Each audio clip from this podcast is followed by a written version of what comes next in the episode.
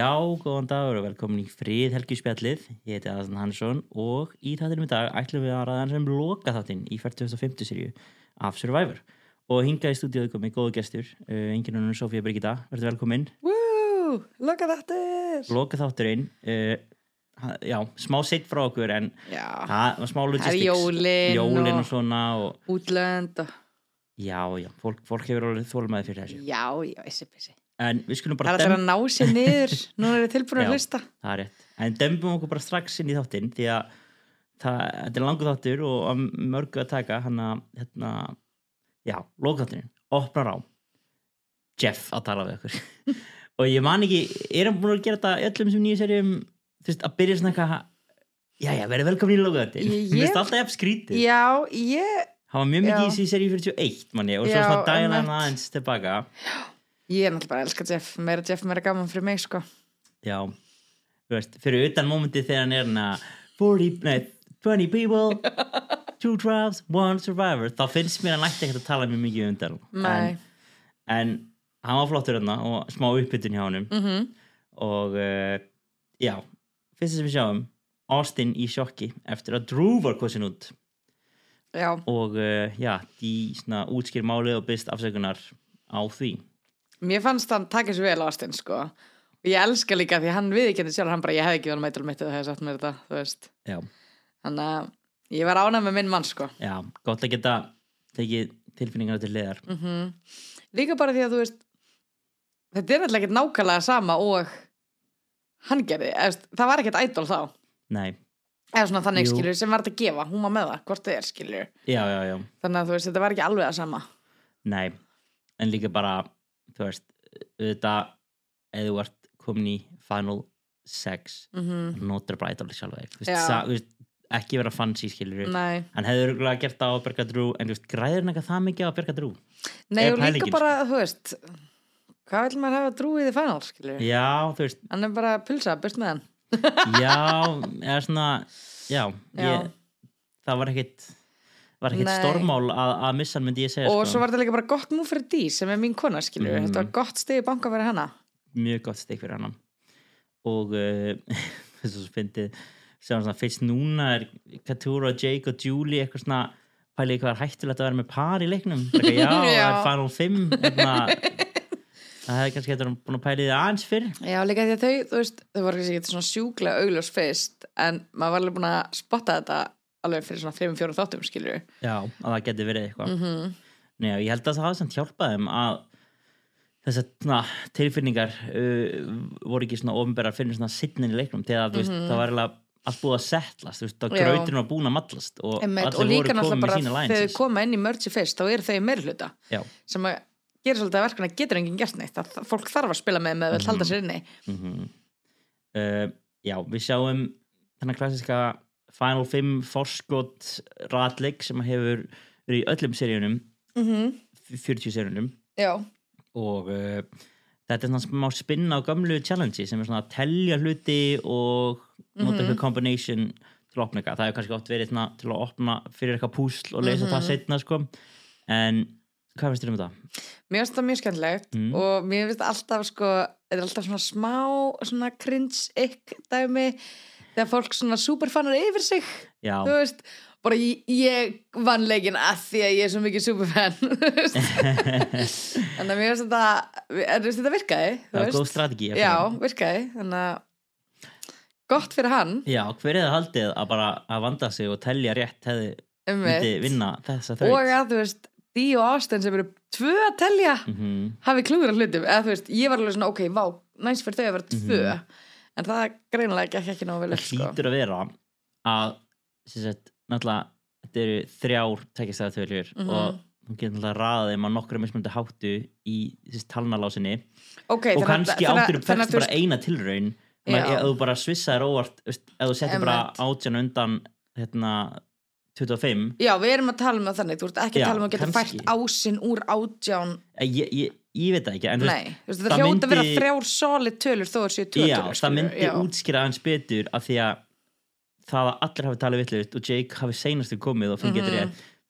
lætið mig hugsa kannski náðum bara tölunum þú veist, í réttri röð á meðan að hinir setja þú veist kókusnönduna fyrst, svo krabbana og svo Já. þetta eða eitthvað Svo finnst mér þetta líka bara, þú veist, þetta er ekki þraut þú vilt flýta þér í. nei, Að því allir fá bara eina tilraun. í rauninni Það held ég að vilja bara taka sér svolítið rólega, sko. Já, en þú vilt það samt heldur ekki vera aðeins að 0 tilraunir að því þú varst senastur Nei, reyndar. en, en þú vilt make it count mm Mm Þú veist, bara, ég, þú getur hlaupið á milli, en ég myndi taka mig góðan tími að telja. já, veist. 100% ég, sko, mér finnst þetta alveg skemmtilegt þannig að sé þessi ræðleikum, mér finnst þessi keppni líka þú veist, þegar hún er immunity, það finnst mér alveg skemmtilega Emmett. en sko ég, ég verð að segja að ég skil ekki hvaða juice við erum að fá úr þessu skvísi í einhvers svona final femme forskot Já, líka sko, þetta er eitthvað sem mikið, sem mikið ekki neitt eitthvað mei, þú veist, líka bara að því að þú veist, þetta er, þetta fer svo eftir þrautinni. Þú veist, stundu sjá fórskot sem er bara að þú þarft ekki að grafa upp sandpokaðin, skiljur. Mhm. En stundum sjá eins og þarna, hann fekk alveg ágætt fórskot fannst mér, Já. þú veist. En stundum er þetta ekkert svona rosa gott og þá er ég stundum bara að því sumir eru svo ógeðslega fljótur að grafa upp dótið Mhm. sitt. Og menn aðrir geta bara verið bara ógeðslega lengi að grafa villum stað. Þannig Já. að mér þetta svona, þetta fer rosalega eftir þrautinni hvort þetta virkilega borgir sig. Að því þú veist, svo er það líka málið, þú veist, ógeðslega þreyttir eftir svona Já. þraut. Þú veist, að hlaupa, telja, reyna að muna, ok, þetta var vittlaust, hlaupa aftur. Svo kannski taldur þér rétt en gerður þér vittsa röð Mhm. eða taldur þér vittlaust og gerður þér réttar, eða þú veist. Já, þetta er líka pínur svona gefur þeim sem eru góður í challenges tvær tilhörnir til þess að vinna pínu Já, eða veist, svona ég, ég, sko, ég veit að þeir eru mjög uppteknir af því held ég að finaleið sé geggja þáttir þeir vilja að það sé eitthvað svona narratív frá bara í upphafi og yfir í endan mhm, og þannig byrja, vilja þær oft byrja með þessum fóskottsþrautum og það hefur nú stundum orðið til þessi mann í seri 41 spoiler alert að þá held ég fann Erika eitthvað svona fóskott mhm.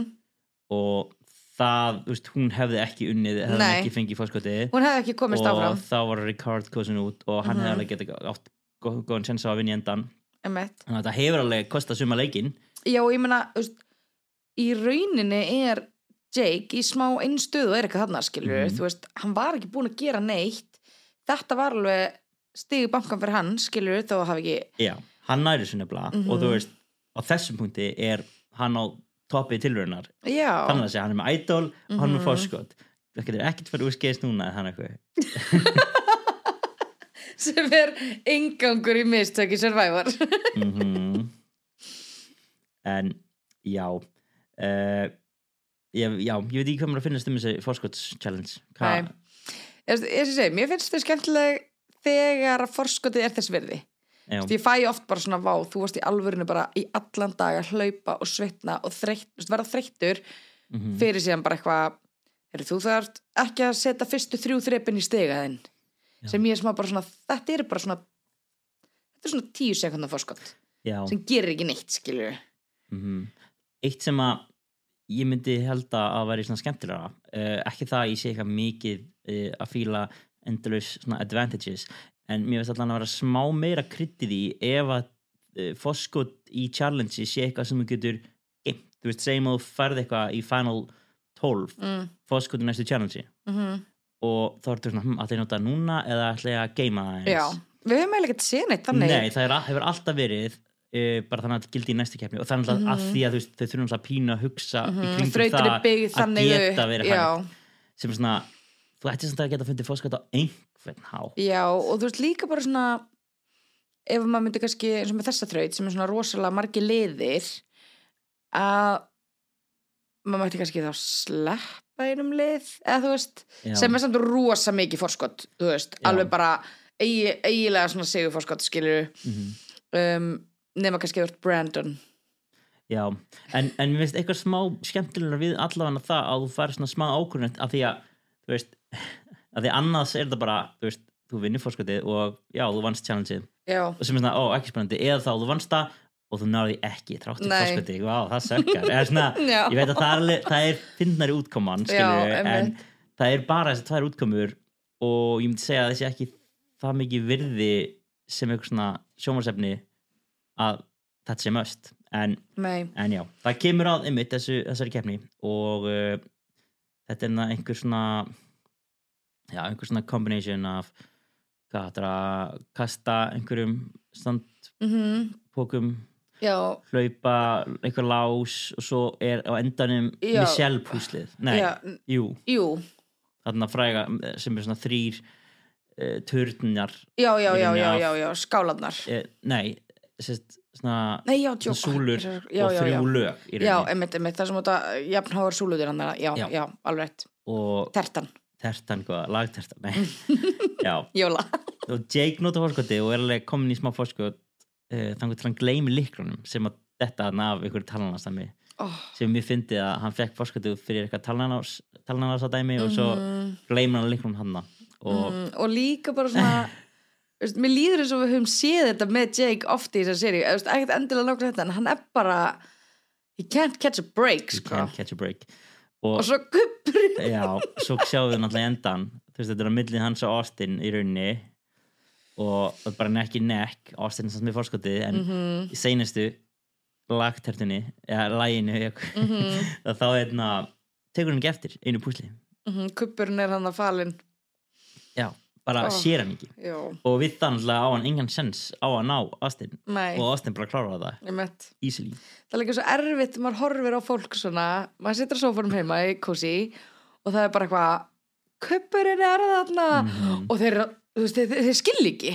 Þeir bara, að byrja, vá, ég er að gera þetta eitthvað svo vitlaust taka allt niður. Veist, og mér finnst þetta erfiðst atrið til að horfa manni langar bara svona, gaur bara fucking taktu þér tvær sekundur til að bara, Ná gerist svo áttum, af því þú lúmst ert- of já, að því þú ert að flýta svo mikið að þú ert ekki að spá í það, Mhm. það er eitthvað að, eða þú veist, þú ert bara, ég er að gera eitthvað vitlaust. Mhm. þannig að þetta er mjög leðilegt þetta er svakalegt. Og einmitt, það gerist furðu oft. Ég myndi segja í svona, eiginlega, kannski svona einu sinni seríu eða En ég held að hverja það sé líka bara vingillin í Survivor, þú veist, þetta er þessi andlegi vingill að þú ert bara ekki með fullu fem skilur, þú sért sjúklega eftirtaktir sem er heima hjá þér þannig ert ekki búin að borða eða sofa almennilega í nokkar daga, þú veist, þú ert bara þreyttur, og stress er í gangi, þú vilt vinna þetta. Þú ert komin í topp 5 mm þú ert einn af 5 til að fá miljón dollara, þú veist. Já, það er svakalegt. Mm en já, Austin tekur þetta og sparkar í púslið eins og Michelle gerði og hann er fyrst, fyrsti aðlinn sem, heitir ekki, sem er ekki Michelle til að vinna þetta púsl. Já, það er bara verið þrísvar eða eitthvað. Já. Um, og já, og Jeff bendir, bendir Jake á hérna hei, eh, tókst ekki eftir þessum bita hérna. Mm aðeins að nutta salt í þessu árið. Æ, Já, og svo leiður og svo reyður Elsku kallinn Þetta er líka svo fyndi, maður heyri Jeff eitthvað svona, já Svo er maður nú að vanda sér mikið með þetta púsl eitthvað svona, hendir í svona gett svona víðar vísbendingar eitthvað. Mm, Æ, greikallin ég fíla að hann er að verða meira svona bitchy eftir já, Jeff. ég sammála svona- I love Savage Jeff Já, hann svona þú veist það er svo gaman að horfa á gömlu seríunar þar sem hann er bara Já. er það hvað ert þú að skita upp á bakkallum minn ætlar bara að vera hann í allan dag eitthvað svo tók hann svona smá vók tímabila sem var rosa mjúkur Mhm. mm. voða lítið og núna svona fyrst mér að vera að leifa sér aftur að svona já, ég vona að hann haldi þessu gangandi inn í seríu 46 ég vona Já. að hann fá bara stutt frí og sé ennþá í söm, saman svona mental space ég vil hann sé pyrraður, sko, það er skemmtilegast en já, aftur á ströndinni þá vill Katúra losna sig við D. Mm pitchar í svona fyrsti júli eitthvað.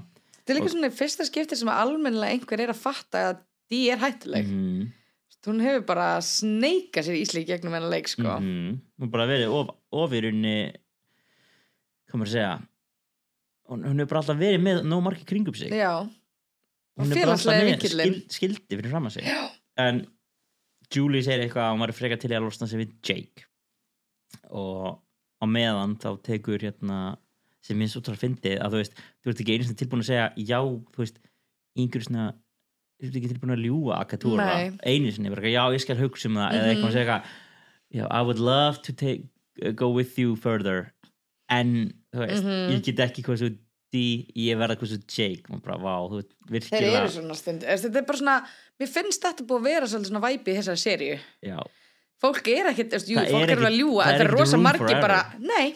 Já. ég ætla ekki að vera með þér. Nei, ég vil þetta ekki. Ég held að sé oft svona í byrjun sem að svona reglan eða svona viðmið er sett. Já, Þú veist, ef að einhverjir hafa sér ákveðin hátt í byrjun þá getum allir, að hugsa "Æ, þetta er bara Norbið í þessi Einmitt. hér erum við bara að segja fólki nei Mhm. ég ætla ekki eins Já. að tengja stundum að því svo líka veistu bara um leið að þú ert orðin odd one out þá ertu eiginlega bara farin sko já, það er svolítið þannig en Austin tók Jake með sér á Reward sem að Mhm. fylgdi þessu mínúti sem er sem á Sárabót og Jake segir nú bara um leið að hann sem idol og þú veist hvað hva er í gangi með það? Já, það er náttúrulega þetta er náttúrulega strategía skilju já, en það var samt svo þú veist, ég held líka ég, veist, ég er svolítið svona smá svona ætla að eftir hva, hva, hvernig þetta endar en þú veist vissan þá að hann ætlaði að gera þetta eða var hann þú veist, mistandi út og sér að spennu? Þú veist, að ég get mér, svona með hvað mér finnst um Jake og búin að lesa af Jake þá hef, kemur ekkert orð að hann væri bara óksarspenntur loksins að fá að fara í verðlaun, hann er bara loksins að fá eitthvað svona með Austin. Þeir eru búin að vera aðna að bonda þú veist, hann bara, já, þetta all svo er hann smá kannski bara, heyrðu, shit. Ég það kannski að að gera eitthvað úr þessu. Eða þú veist, ég get kannski bara ekki nei, já, ég held það. Ég held að þetta hafi verið einhvers svona já, ég held að þetta hafi viljandi verið til, til að leika upplýsingum en Já. mér finnst það samt eitthvað svona oh, að því þú veist það hinga til, höfum við ekki séð þá að tala saman Mm, nei, ekki nema bara síðustu örugglega- tvo þrjá þætti Já, við hafi talað eitthvað saman bara í gegnum sérinu sem við höfum ekki séð endilega Mhm. en maður bara eitthvað, þú veist núna virkilega, hann var ekki sem að segja Mhm. neinum frá þessu það var bara svona svipað þegar Bruce var bara eitthvað, hei Getura, ég er með Idol bara eitthvað, En svo finnst mér bara Jake svona, Jake er smá sem svo kvolpur, eða þú veist, mér finnst Mm. hann svona það er enginn búin að bjóða mér en velun hann er alltaf veginn svona út undan Mhm. þú veist, það var líka svona með Drew um leið og Drew og bara eitthvað svona, já, ég geti unni með þér. Þá var hann bara, ó, hei, bara ég segja þér og gera allt. Og svo Drew hann, skilju uh þannig að hann svona, minnst hann ekkit endilega að læra þú bara svona, hann fær eitthvað minnslur og hann er bara, á, vá, ég bara það er ekki bara neitt meir í dag, ég fekk hérna smá minnslur já. Hann er alltaf bara vanur að fá ekkert. En, en já, Austin bara, hugsa bara með sér, veist you shouldn't have said that, Jake. Mhm. og hann segir náttúrulega dí um leið bara um leið hann kom eftir hann sýnur hann ætl og allt sko, hann hafði ekki Mhm. list í neitt blöf í kynum þetta. En eins og segir, þeir eru röglega eitthvað svona play frá hann og síðan þegar þeir koma aftur þá hérna, segir Jake líka sýnir Katura og Katura segir við Jake að þau eru að kjósa D. Mhm. Jake svona er fyrst ekki að hm, ég var alltaf búin að plana að kjósa Julie. En hann er henni sannfærist af hennar rauksandafæslu þegar hún segir bara D, hún er að fara að vinna næsta challenge. Hún er að taka Austin með sér og þá er bara eitt pláss eftir.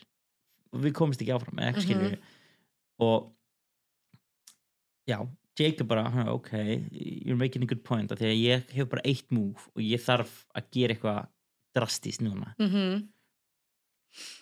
og sama tíma þá er Austin að tala við Dee. Og Austin vil kjósa út Julie. Mhm. og Dee er ekki á sama bát. Hún vil kjósa út Katura. Og þau eru einn sammælast um að kjósa sitt hvað aðilan Mhm.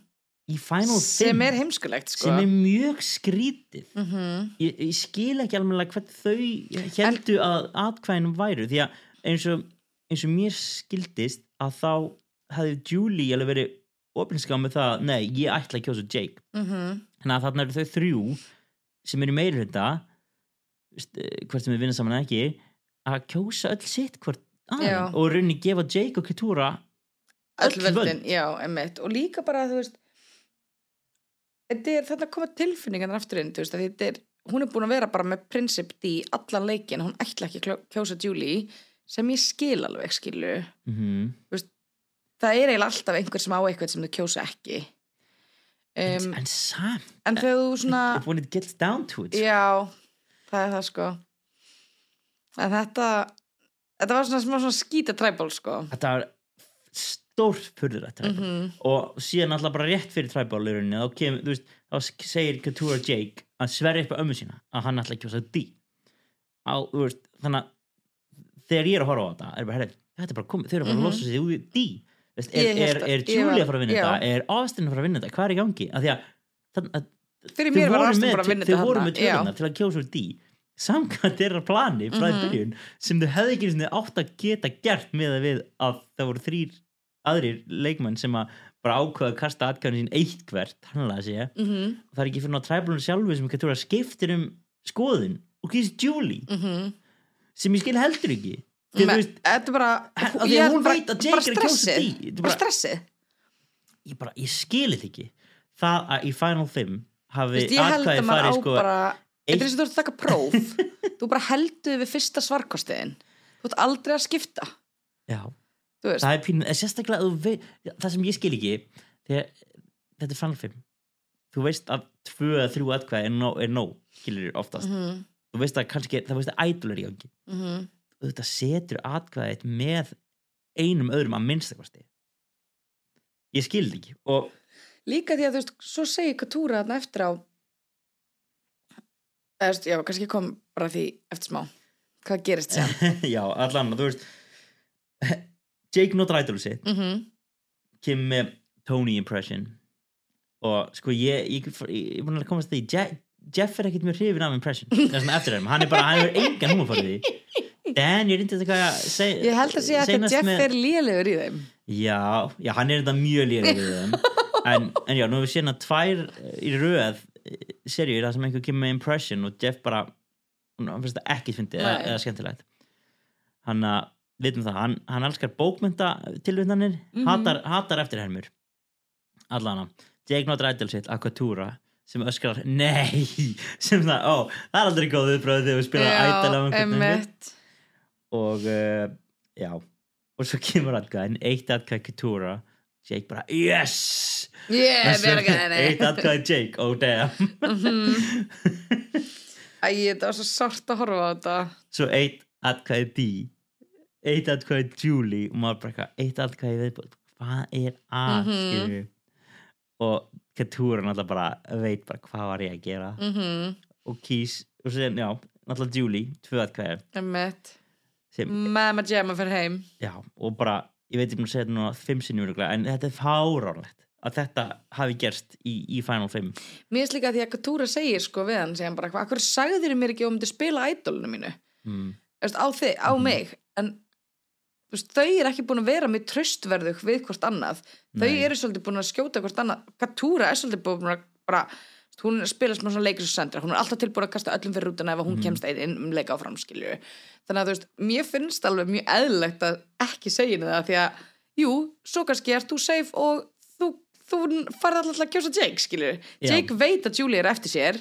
Nákvæmlega, Þa, það er rétt veist, Jake veit Katúra á að geta hugsað út frá þessari aðstæði Mhm. af, á, afstæðan af hverju hann myndi ekki segja þetta skilur nei, Jake, Jake skilur lag þeim upplýsingum að hann var með idol af Mhm. því hann er ultimately veist, að bluffa af því að hann ætlar ekki að nota á sjálfum sig veist, með því að leka upplýsingunum þá fær hann atkvæðin yfir á Couture mm -hmm. og hefði hann sagt Couture frá því þá hefði hún verið með öll spilin hendinni hún hefði getað lo, losað sig við hann mm -hmm. og veist, hún hefði bara þurft að gjósa hann hann hefði dottið út þannig að þetta var alveg rétt hugsað á Jake og í rauninni Þetta var bara hlaðborða valkostum sem fólk að geta, eh, sem Katúra og Jake það geta valið hver fyrir heim. Já, en Jake þurfti náttúrulega alltaf að eigna þetta, eignast þetta múf hann þurfti Já. alltaf að gera eitthvað sakalegt Já, þannig að uh, já, ég skil ekki að það, það er uh, bara glórulust ákvörðun að skipta sko og hún, og hún rauninni segir að og hún líka eftir, bara eftir á, tekur þetta múf svolítið af honum já, og hún í rauninni svolítið skemmir þegar leikar að Já, að að bara veist, þegar leikur búin eftir þetta. Þarna er maður bara, ok, Díostin eru, eða þú veist. Já, því að þú veist, jafnvel segjum, segjum svo að uh, segjum bara að þau hafa ákveð fyrir træparlið, kjóðum með Julie, ekki Dee. Mhm. og þetta hefði farið þrjú eitt eitt, skilur við samt með idol og allt svo leiðis uh, það hefði verið miklu meira impressive, skilur þá hefði Jake actually, þú veist, gert eitthvað. Mm í staðan var hann, þú veist, skilin eftir án, Hann gerði ekkert hann, já, og gaf hann og var ekki með og í kaus ekki með já, þannig að, þú veist, hún skaut svolítið hann og sjálfan sig í fótinn hann, Já. sko. einmitt og hún tók lögfræðingana og sko leiðið og beigðið þá, sko. Já og einmitt. Leið. Julie segi Katura farið lögfræði. Á gott mamma þessi Ég bara lögfræðingar í þessi elska hvað er í gangi? allir að segja þetta við Katúra þetta er þrjá skipt sem einhver segir við hann bara farði í lögfræði. Já, þú þarft að fara að læra lögfræðin, lögfræðing eða eitthvað svona já er, þetta er svakalegt. Og já e, já, eftir þingið þá etna, veist, Jake er bara pyrra skiljanlega og hann er bara eitthvað segir bara Austin og Dee bara eitthvað hún spað mér með sverju upp á ömmu mína Mhm. að kjósa út Dee og svo skiptir hún matkvæði og þú veist, Katúra náttúrulega Katúra sér segir upp pátskilur að þú veist hann get ekki nema sjálf sér kempt af því að hann saði hann ekki frá ædalunus mm. -hmm. en sko hen, en Þú veist líka sagði samt frá því að það hefði ekki verið ædol þá ertu samt búin að svíkja hann, þannig að það skiptir ekki máli. satt. en hún segir samt í viðtalum bara að veist, jú, hún sér byrsilega mikið eftir þessu. Veist, hún er rauninni hún, hún gerði þetta algjörlega sjálf já, Já. bara 100% sett henni í óvinnanlega stöðu Þetta er stressið sem að tekur við höfum bara séð þetta miljón sinnum. Mhm. stressið mun fokka þér upp í Survivor ásakjálfræði og það er smá svona þema með Katúra greið er að hún er í rauninni bara markvís búin að skemma leik allra nema, þú veist, Austin og Dee Mhm. hann laði séð og svo er hún samt svo fúli verið að þessi komið par í fænuleið skilur já, en en hún kom þeim svolítið þangað. Já, en sko það er á sama tíma, þú veist, eins og þú segir þá erum búin að vera að spila svona Sandra-esk Mhm. leik og ég fatt það ekki fyrir en að þau töluðum með þetturum en sérstaklega, meiri sem með þessu skrítna træfli þá hún, hún aldrei ekki kosið með meirilutunum mm sem er svona sem, sem er tölfræð sem, Já. sem byrjar að vera mjög svona vá, ertu bara einhver follower? En þú veist, Mhm. í öllum þessum flippum fram og tilbaka að vera alltaf í meiriluta í endan, það er, það er svolítið impressive. Já og þú vilt þetta er stig í bankan sem þú hefur Mhm. á Final 3 skilur þú, þú Já, veist. og hvað var þetta fyrsta atkvæði sem hún fekk frá því eða eitthvað Já. svoleiðis? Ég held nei. Var hún að fá einhver einhverju splitti já, ég held hún hafi fengið önnur atkvæði. Eitthvað með Bruce eða eitthvað svona. Já, hvort það hafi ekki verið eitthvað svoleiðis. Já, ég er ekki alveg viss sko. En skiptir svo ekki máli. Nei, Já uh, Já, þetta er svolítið bara svona pínu afgreitt bara eftir þetta. Maður bara, Mhm. damn, þú veist Jake, uh, maður hugsa reyður með sér D eða Austin er frá hunda 100% já. Bara því miður. Þú veist, það er bara ég, bara, ég var hann að googla hvað hún fekk mörg atkvæði og það kom ekkert upp. Það eina sem kemur upp er Couture Top says final mistake still haunts me. Svo bara eitthvað final five chaos eitthvað still haunts Coutura og svo bara eitthvað uh, last minute vote swap that sealed her fate. Á, dramatíst en, en já, við förum bara beint yfir í Immunity Challenge Mhm. Final Immunity. Uh, stapla skálum og labba yfir einhverja svona hangandi grind. Ég elska þessa grinda þrautur ég Já, elska er þess því þetta er svona þraut, við höfum talað um þetta þetta er svona þraut, skiptir engum máli hversu fær þú ert. Þú veist, mm þú ert heppin og ert langur með langa fótleggi. Það getur líka held ég að því þú ert lengra frá grindinni. Þetta er svona, Já, þetta er reyndar. equalizer. Þetta er bara svona haldur ró. það geta allir verið Mhm. góðir og lélir þessar þraut. Já. og við höfum séð nokkra svona staplkeppnir í gegnum árin Mhm. oft um eitt notaði svona final Final Four. Uh, þessi útgáð með grindinni hefur líka komið tvisvar áður. Uh, annars vegar vann einmitt Michelle þetta uh, í sinni serju en það var þetta keppni upp á að kjósa einn úr kviðdömunum úr leik. Þetta var eitthvað Mhm. skrítir lokaþáttur af þeim þar sem þau voru bara voru bara þrjú í lokaþáttunum mm Mhm. þau þurftu bara að gera, finna eitthvað gera eitthvað. Og svo þarna vann líka Dominic í Ghost Island Já, í Final, Final Four. Já og þetta er stutt keppni, þú veist í rauninni Austin, Jake og Dee byrja öll vel þannig til að Austin missir sitt. Mm og andan verða Dee vs. Jake og Jake missir allt sitt. Og í pyrringi, pyrringinum sínum þá bara skemmir hann challenge-ið. Líka bara svona þú veist ekki til að vera eitthvað body shame hann skilur en þú veist, hann er ekkert eitthvað minnsti gæin hann skilur, þú veist heldur í alveg að þú getur bara eitthvað trafkað á eitthvað svona hugsaði bara aðeins skilur var- þetta gerðist fyrir hann var nokkur bara pyrra já, þetta gerðist fyrir nokkur serjum líka, einhver sparkaði í eitthvað? Mm -hmm. hvort það var Gabler serían eða eitthvað? Einhver sparkaði þrautir svo skemmt hann líka skilur já. Og ég skil ekki ekkur ég skil ekki ekkur fólk gerir þetta sko. Nei, sumir er bara, bara not, sumir bara bregðast svona við skilur Já, við, veist, þetta er- náttúrulega testosteróni náttúrulega sér þetta bara allt þetta og bara, já, veit ekki hvað hann var Mhm. að skýra hann að hann, þróa hann sagði, hann temper ætla, tantrum. já, hann ætla að reyna að flýta fyrir með að lappa ofan á þrautinni frekar en að fara í gegnum hana skilju já, ég held að þetta sé bara svona moment sem hann er ekki að hugsa sko. Nei, en já, hann skemmir channelsið og bara disqualified sem er, hann sem er samt low-key iconic right? Disqualified í Final Four við hefum ekki séð þetta, veist, ekki í þessum Nei. stileiksins og veist, þannig að eina sem Dee þarf að gera er að klára þetta og Mhm. það hefur svolítið verið bara hennar svona MO í sérjunni er bara, þú ert með þetta. Þú ert bara Já, og það nærður sildu bara hún er bara búin að vera á siglingu síðan The Merge. Og maður sér það líka bara þú veist, þegar hún er í þrautum, hún er bara gera þetta bara, gera þetta bara þú veist, þrauka það bara, þetta bara, þú ert bara að hanga. Veist, hún er bara þetta er allt fucking mental hjá henni. Og hún bara gerir þetta Mhm. öruglega og vinnur. Mm og þú veist, þetta er líka svona ógeðislega sjúklega margliða þraut. Það getur verið rók sem skemmir fyrir Já. þér skilur það þú staplir diskunum aðeins og skakt skemmir Mhm. fyrir þér. Þú veist, það er svo ógeðslega mikið sem spilar inn í þessa þraut að það bara, ó hún gerir þetta svo vel. Já, ég veit ekki hvort að Líka hafa þegar hún er að setja þetta síðustu skálina og hún er bara ok, bara andaðu. Mhm. nú þarf ég bara að labba tilbaka. Og hún er, hún er að fara svo hægt. Því hún veit bara þarf bara að komast í gegnum þetta skilur Mhm. og ég veit ekki einmitt hvort þetta hafi verið þú veist, klift eða eitthvað en ég held ekki, ég held að þetta hafi bara verið hún bara gerði þetta allt í veist, hún droppa aldrei. Nei, ég held ég alveg að það verið bara, veist, maður oft séð þetta og fólk er að droppa oft og mörgu sinnum Mhm. og svona við höfum þessi séð þess að þrauta sem að þarna- allir dröpur upp á nýtt. Já, veist, það var bara, hún droppaði sig ekki. Mhm. she ne never dropped the ball. Ég held líka að þeir hefði ekki klifta út ef hún hefði gert það sko. Nei, ég held líka bara er þess vegna, þess vegna var líka bara þess vegna var Jake Rögla pyrraða bara, herri, ég er búin að tapa, skilji, eftir að Já. sjá hana skilji, Mhm. en solid hún as er a bara rock. búin að vera býst í þessum leik það er það sko, það er alveg hárrétt og Mhm. einmitt, bara eins og ég segi þetta er bara búið að vera hennar MO bara, bara solid, sigla sig heim þetta er bara easy, Mhm. mm -hmm. tannlega sig Veist, hún lætur þetta hún út segir fyrir sér easy. bara, hún, það bara gera þetta. Mm þú veist og þetta er, hún er svo geggja hugafar sko. -hmm. og þau fara aftur á ströndina.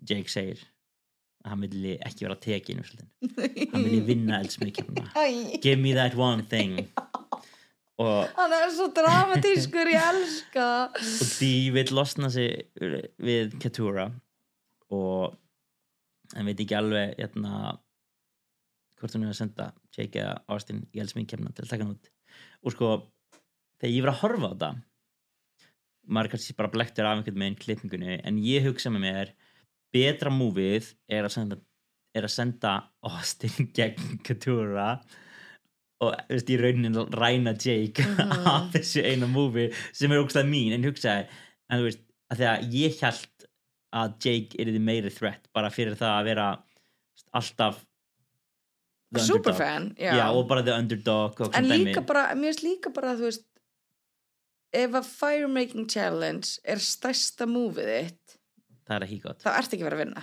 Það, það hefur aldrei virkað. Gabler já, ok burt með Gabler í alvegni hann er fakkin undatækningi sem sanna regluna. Já, hvernig vann þessi maður já, uh, ok, ég, ég veit að alveg akkur hann vann. Hann vann með að segja, ég þóttist vera gamall kall eitthvað. Já mar, Þess, hann ónaði bara leikið sín og það er ángist það sem virkar. Já, hann seldan mm En- en, það sem ég finnst þarna þú veist ég held að ángist að eina sem að Dee hafi verið að hugsa er ég má ekki gefa Austin meir er þau eru búin að spila sama leikin og þau það eru er að vinna næstu jafn mikið já, Já. það er held ég það sem að og, og hún nútrælæsar svolítið hann fyrir fyrrdómnum Mhm. og segja, ég tók hann þetta. Mm hann vann ekki í mjöndi ég tók hann að lesa ekki í já, ég tók hann með mér. Mm af því að ég var hann er með þetta hann er kærastu minn. Já, hann er plus 1 skilur við hann er makinn. Já, hann, hann makinn sem fylgir með bara sko. Bara sorry.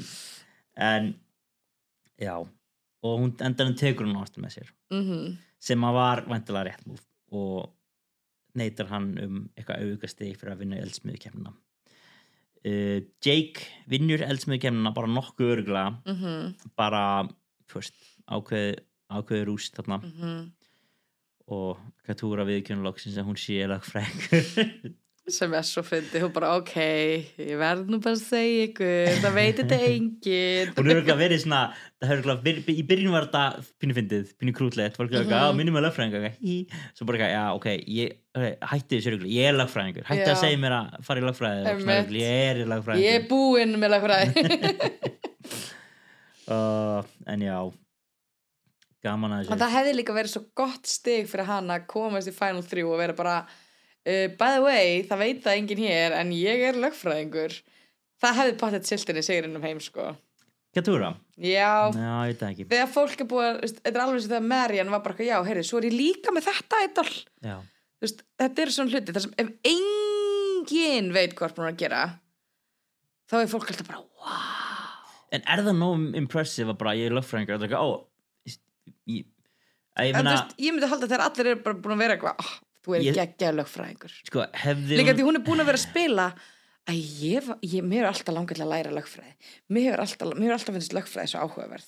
Já, að ég veit ekki, kannski hefði hún verið með, þú veist, Jake og Drew í bitru og jury bátt eða eitthvað Julie svona. líka því hún er Ég- lögfræðingur. Já, ég veit það ekki, sko, ég, ég held að hún hefði þurft að ansið meira til að sigra, sérstaklega móti Dee og sérstaklega móti Austin. Og ég held ég Já. hafi, ég held ég hafi verið að vannmeta Austin, ég er náttúrulega búin að segja það bara frá The Merge líka við að ég sjá ekki útkomið sem að Austin er ekki endanum. Og hann Mhm. var þarna og það er svona það er kannski pínur svona skrítið að segja það en stundum getur að verið uh, vannkostur að vera í ofgóður stöðu ofsnemma já, því þú, þú þarft, þá þarftu bara þú hefur engin tækifæri til að hlusta på leiknum. þú hefur engin líka tækifæri bara, að sína á hæfileikina hennar sérstaklega þú ert í svona miklu meirhluta eða þú veist, já, svona lengi. Mm þannig að þá svona já, ég spilaði góðan leik en ég var bara eiginlega alltaf í meirhluta já.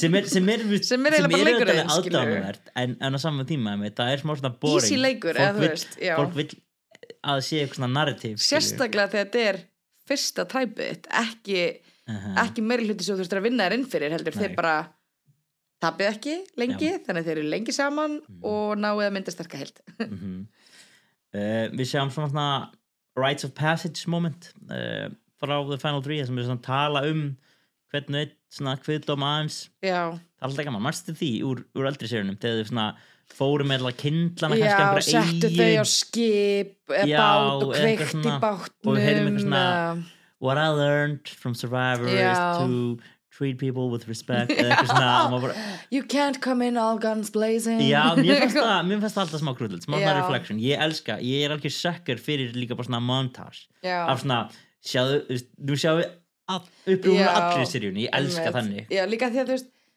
mér finnst alveg skilur þú erum bara horfa svo svo lengi maður svona pínu gleymir fólkinu fyrir mörd eða svona, já, þú veist kannski gleymir ekkert strax en svo þú ert komin í svona síðustu fjóra, fimm þættina þá er maður svona, já og þess er þetta skemmtilegt það heit allir komin, já, og maður svona, maður gleymir ekki Brando því hann er bara bóla á rassinum á manni en bara svona Ég er fólk um sem að Brando já, Brando, Sem já, fyrir ekki, ekki. Brandon já. Brando, já dæmi um mann sem maður gleymir já, en já, uh, nei, einmitt uh, gaman að fá Pokémon. smá, já, gaman að fá smá svona fengum við líka að heyra frá þeim svona hvað, við hefum séð þetta nokkur sinn svona hvað þau eru að hugsa going into it. Já, og það er svona pínu svona lyktar pínu svona hei, segðu eitthvað jákvæmt um hann segðu eitthvað Já. jákvæmt um þennan og eitthvað um þennan. Og við klippum þetta eins og það sé mjög spennandi. Mhm. Og þú segir líka alltaf eitthvað á svo my vote fyndið- is totally up for grabs tonight. Einmitt, þú það segja þetta allir. Ég, það snúast rúglega einhverjum um skoðun en þú veist, ég heldur komur inn með svona nokkuð góða hugmyndum hvern þér þú ert var að kjósa. Já, uh, en já, Final Tribal Council komið að því. Og ég tók eftir að Jeff er smá búin að fasa út svona þessa undarlegu þrískiptingu sem hann var alltaf með sem var hann eitthvað first, it's the outwit portion where we talk about the strategic moves in the game. Mhm. Then we talk about the outplay section and the outlast og svona dæmi. Hann svona, hann er meira búin að gefa træp öst, já, hann sagði bara í byrjunu reynum að gera þetta svona cirka þessari röð en ekkert stress já, sem er Þú veist, Já. það var alltaf fáralegt að því líka bara veist, það er alveg fólk sem hefur bara aldrei þurft að spila outwit hlutan Nei, eða Og já, hlutann, þú veist, eða, þetta er svona fellir pínum sjálf sig eða veist, en, já, en svo eru alltaf einhverju nöllar on the jury sem eru bara eitthvað Nú snýst Survivor um outwit, outplay og outlast. Segðu mér nú í þremur hlutum hvernig þú ert búin að outvita hina tvo. mhm. Og maður svona, oh, Jeff er ekki fyrir að elska það meira að þú spyrir svona spurningar. Nei, já, það er su- sumir eru eru smá sleikir fyrir Jeff Sumir eru svo miklu sleiki fyrir Jeff. Ekki það, ég myndi ekki vera það. Ég myndi, ég myndi fucking skeinunum sko en þú veist ég þú ekki að horfa aðra að gera Nei, þetta er smá, ég er maður sammála má bara er ekki vera svona, augljós, skilurðu. svona, má ég knúsa þig koma svona, ah Já, róm okkur aðeins Mhm. keppendur sko. en já uh, ég skrifaði rauninu bara niður pínu svona hvað allir spyrjum, þannig að við tökum bara svona hvert hver, hver einu spurningu bara í rauð bara Ok. svona eitthvað aðeins Kendra byrjar uh, að spyrja hvernig þið tóku Survivor by the Horns eða svona hvernig þið tóku alltaf Leikinn í sínar hendur, já. eða bara svona upplifuna held ég já, og típist kendur spurning já, hvernig skemmtir þér? já þetta er svona já, þetta er líka smá svona veist, ekki það að Survivor er ekki gaman og allt það, en svona svona dæmi um svona, svona gera stærra vandamálið Já. í Survivor dag sem er svona að fólk er að skrá sig bara fyrir lífsensluna Já. í staðan fyrir bara, uh, við viljum sjá fólk fucking spila leiki já, ég vil sjá þig þurfa eina miljón svona Já. fólk eins og dí Já, einmitt En þau eru öll með fínsvörðana Þú veist, Jake náttúrulega jákvæðastur í heimi og bara, þú veist, þegar, Mhm. þegar ég var down þá hugsa það með mér, ég er down í Survivor, mm Mhm.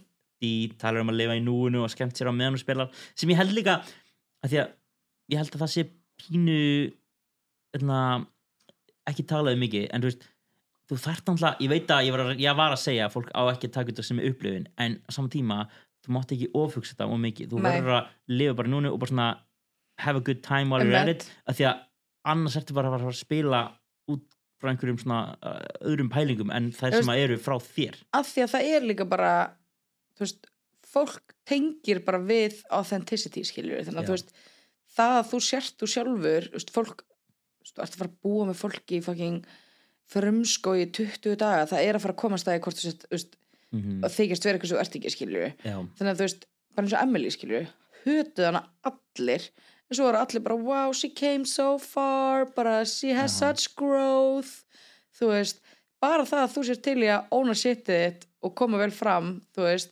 Mm. kemur þér örugglega miklu lengur en eitthvað immunity idol gerir stundum skilur Já, og ég, þetta er líka svona þetta er eins og hvernig sumi leikmenn í viðtölunum í byrjun tala um sko nákvæmlega hvernig það ætla að spila leiki mm Mhm. -hmm. ó, þá orti strax ekki að gera rétt í þú veist, þú Nei. þarft ekki að bröðust við já, og líka bara þú veist ekkert með hvað fólk er Já. að spila og þú veist, þú þarft bara að fara eftir einu uppskrift þú getur ekki að fara eftir neitt annar, annar Mhm. Nei. uppskrift það er svolítið máli uh, Já, Austin talaði um það hvernig hann var alternate og henni bara með stuttum fyrir var hann var að fara sem að kannski útskýrir af hverju Reba var svona stacked eða þú veist, mm. kannski var bara einhver nölli í rauðar ættborgnum eða eitthvað svona að, svo að ég man og mér fannst þau vera mjög mér fannst þau afgerandi svona best í, í líkamla, besta líkamlega forminu í byrjun. Já, en kannski bara vill sem mér, ég ekki.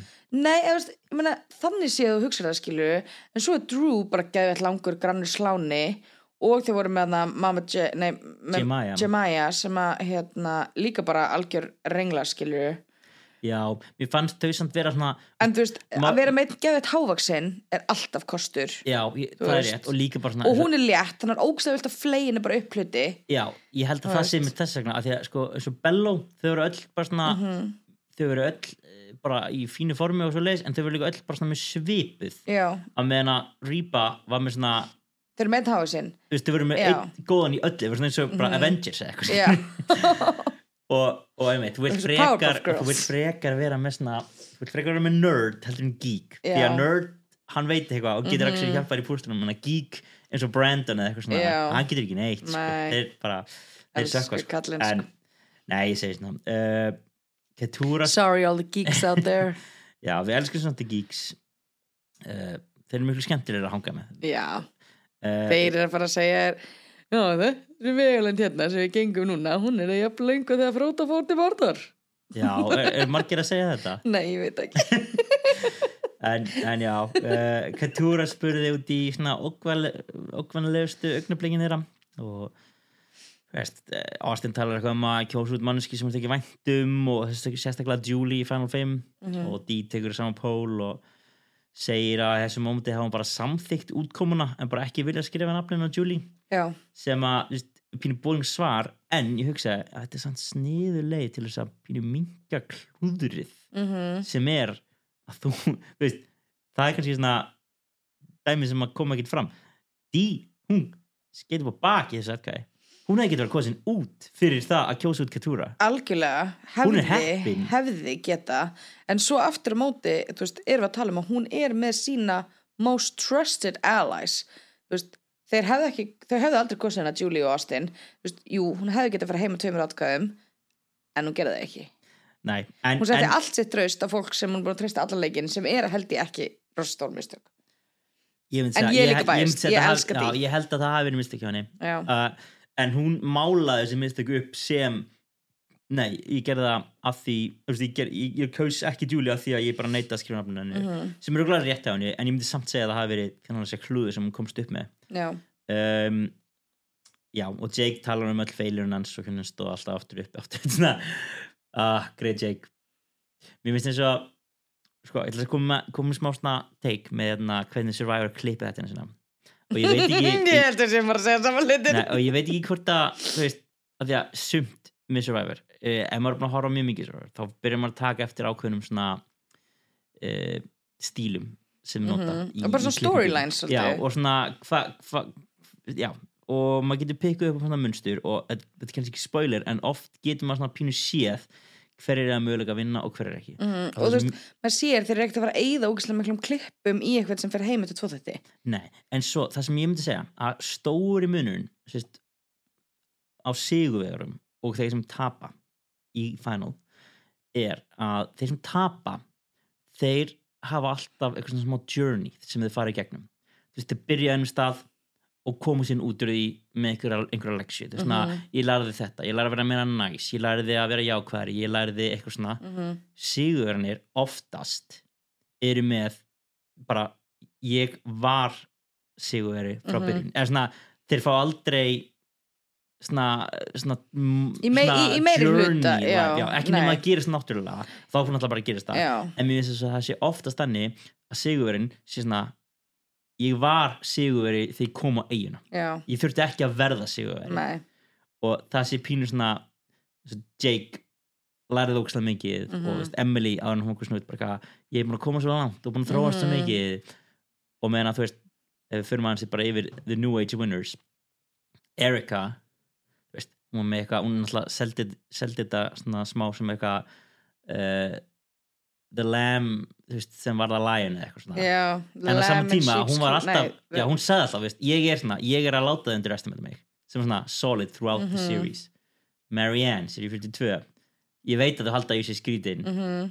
en, Marion sagði líka í fyrsta þættinum ég fer annarkvort heim fyrst eða ég vinn, þú veist þannig að, en, en hún var alltaf true to herself í Mhm. In Her Weirdness Gabler, bara hann var eins og hann var frá byrjun og Mhm. yfir endan og Jam að Jam þurfti, hann jafnvel þurfti aðeins aðeins að tvíka hann það var eitthvað eitt vót sem hann var næstu farin heim í. Og þá var hann bara að heyrða ok, ég þarf aðeins að tempra mig niður skilur já, en, en, en sko munum á því sem hann ég að aldrei segja er að að það er breyta sér, hann var bara að tempra Nei, þú veist, þið fara ekki gegnum svona self-reflection journey með, og með, svona, með, og þú fyrir vá. ekki klippur þar sem hann er bara wow, ég er búin að læra hérna. Mhm. og eins og mér sem bara þessi Jam Jam skilur sem að Jam Jam var Jam hann var Jam alltaf Jam Jam Jam Jam var frá alltaf fyrsta Jam mómenti. Jam og ég myndi eiginlega að segja að Dee hafi líka verið bara Dee Mhm. kom inn, bara smá kokki og smá bara til í þetta. Líka og ekki- var þannig bara alveg dendan hún var aldrei eitthvað, vá, ég lærði að Survivor Nei. þarf að treysta hjarta og sig. líka ekki einu sinni sko, fannst mér hún kokki heldur hún var bara veist, hún var bara ákveðin. Hún var bara ég þarf að vinna. Mm Þú veist, það er ekkert annað í bóði Nei. Sem að mér finnst ó, bara, fá, mér finnst að geggjað hugafar -hmm. hún er bara fokk reynslan, fokk vinir. Já, ég þarf að vinna. Ég held að fólk sé bara svo, ég held að það sé líka smá svona self-fulfilling dæmi að því að ef þú kemur bara inn trúi bara algjörlega saman þig og ert ekki efast, bara for better or for worse mm þá ertu samfærandi sem sigurver, þá er fólk bara, herri hann var meðvitaður eða hún var meðvitað um sjálfum sig allan tíman, gerði það sem hann þurfti til að gera til að koma sér til endan og ég ætla að veluna aðlan með atkvæðinu mínu. Já, það er líka ókslega fyndið að horfa tilbaka þú veist, fyrstu tvo þættina þar sem maður er bara svona ó, Dee og Austin og Julie og Drew voru svolítið forced í þetta alliance mm út af þessu atkvæðan þegar þær fyndu hamarinn og eitthvað. Þannig að þú veist, það er svona fyndið að þú veist hefði það fyrir öðruvísi mm veist, bara, bara þá, sá þáttur. -hmm. hvað þetta hefði bara, þú veist það getur allt annað leikur. Já, ég meina hefðu þær kannski við vorum ekki að skamma þær fyrir að skila hamrunum en kannski Mhm. hefðu þær ekki gert það þá verðu þau bara öll að dött út já, eða bara hefðu að- þeir að það ekki hamarinn. hefðu þeir fundið hamarinn sjálfur mhm, þá hefðu þeir bara átt leikinn og, og ekkert vilja að spila kannski með þeim. Næ, nákvæmlega. Er ekki kannski bara, þú veist Jemaya eitthvað Já, en já uh, Drew þau mitt út í The Reap Before uh, Dee Austin og Dee segir að svona, þau hefur allir að vinna, vinna saman. Hún byrjar svolítið svona passív í þessu trebali finnst mér. Mm. uh, fer ekki alveg uh, þú veist, agró fyrir bara í endan sko þegar einhvern veginn uh, fyrir næsta gýr en já, hún segir að svona þau hefur allir unni saman og hún segir að þau, hún hafi verið mjög heppin að lenda með því í mjáttbólki í byrjun Mhm. sem ég held að sé líka underrated uh, move að segja að það vill enginn í hvitum heyra hvað þú rústaði mikið og hvað þú varst Mhm. bestur í öllu ef þú segir, ég var heppin lítið úr the jury Nei, ég var heppin að þessu og þú veist, þá getur, þá getur hvitum ó, já, ég var líka Já. opin ég, það er rétt hjá henni mm Uh, og líka bara ég var svo heppin að vera með þér í træbóli og við Já. komumst svona langt Einmitt. saman og einmitt, og Austin tekur þetta aðeins lengra og segist sko, ég var smá svona leiðtói nýja lægin sinni og því svona svarar Austin aðeins sem bara eitthvað, takkar svona smá mini fight um það, þú veist, hver hafi verið leiðtói allir tíman og hún segir að hún hefði verið svolítið tengingin og Austin bendur á idolin sín og tenginguna hans við Emily að fá, fá hann inn mm -hmm. en þá kemur Dee og segir hérna veist, hún tengdist Katura fekk hana til að koma inn í þetta Mhm. og hvernig hún snýri atkvæðanum gegn Kendru í hennar træpari af því að. Kendru var að segja hennar nafn og svona. Og svo kemur Dee. Nei, svo kemur Emily fyrir ekki og spyr Dee uh, um atvik sem mútaði heilansinn til að taka ákvörðin í stað fyrir hjarta sitt. Smá weird spurning verið að segja. En hérna þetta er svona ógislega corny spurningar sem er svona er þessi spurningi alvörinni að fara að gera þér eitthvað auðveldar með að kjósa hver á vinna skilur, þú veist, ert þú í alvörinni bara ah, ég verð nú að kjósa dí frekar en hanna því að hún spilaði meira með hjartanu já, ég veit ekki, mér finnst það smá svona passíf að gera þessi spurningin kannski það er bara Emily en hérna Dee, mér fannst Dee svaraði vel með því að í rauninni taka smá cop-out svar og segja að heilin og hjartaðinni vinna í sammenningu Mhm. og að ákvörðunan út bara út frá heilinum hefur sína vankanta mhm. og að uh, þú veist, og sem er samt alveg rétt, ég er alveg rétt, og henni alveg sama um að gera einhver big moves því að hún vissi bara að hún hefði laðið tröst á sín alliances Mhm. og sitt social game að hún myndi komast í endan sem gerði. Mér finnst líka bara alveg eins og við erum að tala um að stress og kvíði og svona panik er ofta sem að kemur í gröfina skilur, survivor gröfina. Þá er tröst, þú veist, ekki ná mikið talað um hvað tröst kemur þér líka bara ógæðslega langt oft. Mhm, Þú veist, jú, jú, auðvitað getur hann alltaf klikkað, þú veist, bara eins og trú skilu, mhm. treystir ómikið en bara tröst kemur þér ógæðslega langt í survivor og treystir rétt fólk.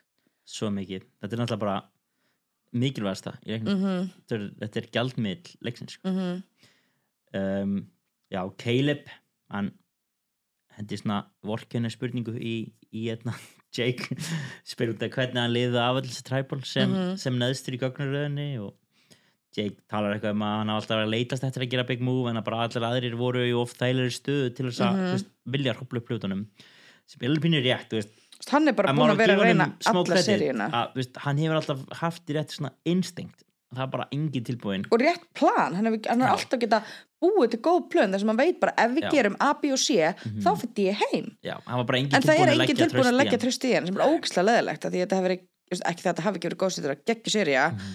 en ég held að um séð miklu heitari træból ef að, ef að hann hefði fengið smá sjans Já, og ég hætta að láta allt snúið um þetta en ég held að eitthvað af þessu sé öll þessi sex atkvæða træból Mm. í röð það sem að, þú veist, sem að unni að tefjaði fyrir framgang leiksins. Að það var alltaf eitthvað, nei ok, við getum ekki hvað sem vennilega núna, veist að því að ef það er alltaf vennilega atkvæði þá svona byrja fólk að segja, hei, veitu ég er næstur, eða þú veist mm en í staðinu að hugsa, en ég veit ekki, kannski er ég ekki næstur, af því að Já. núna er einhverjum að missa atkvæða sín og eitthvað svona bla bla bla. En, en já uh, Kelly spyr út í ædilnans Austin og Austin segir að það sé jafn impressive að þau eru ekki nota ædilnans sín nú að nota þau ég er ekki alveg samanlega sko já, Emily Gaglinan sko, Mm. segir að hann hafi mist Drew að því að nota ekki ædilnans sitt rétt og mm. Austin því að, uh, þó að hafi komið honum á óvart að vissan að Drew þyrfti einhvern tímann að fara og það hefði ekki beint hjálpa honum að hafa hann í hliðina á sér í endan sem kannski alveg rétt en Dean nýtið tækifæri og segir hérna, veist, hún hlá bak við múfið alveg sem við Drew og ákvað að segja Austin ekki frá því bara að því að hún segja að upplýsingar eru meira verið en Idol. Mhm, og bendur á að Bruce sem var með Idol fór heim að því að hann vissi ekki að hann var í targeti mhm, og skaut smá á Bruce. Damn, you should have played your idol. Mhm. Uh, sem ég held að hann hafi ekkert neitt mjög sáttum með sko. Nei, held sem er að mörg- ego sko. Ég held að hann var nei, ok, ég Það er ekki alveg að því. hana kostað hana já, atkvæði ég held að sko. kostað hann ekki en, hei, hún hafði efnaði þannig að Líka bara, þú veist Ég held, þú veist um nú maður bara hugsa miljón svona hvað ég myndi gera í Survivor skiljur einn af mínu stærstu hæfileikum er að lesa fólk þú Mm. veist, mér finnst ég ógislega færi að lesa fólk og læra inn á fólk. Og þú veist, hvernig mm, þú veist, ég veit að þessi fíl er ekki svona þannig að þú veist, ég hafa mig betur svona með þessum og öðruvísi Mm. með þessum, þú veist.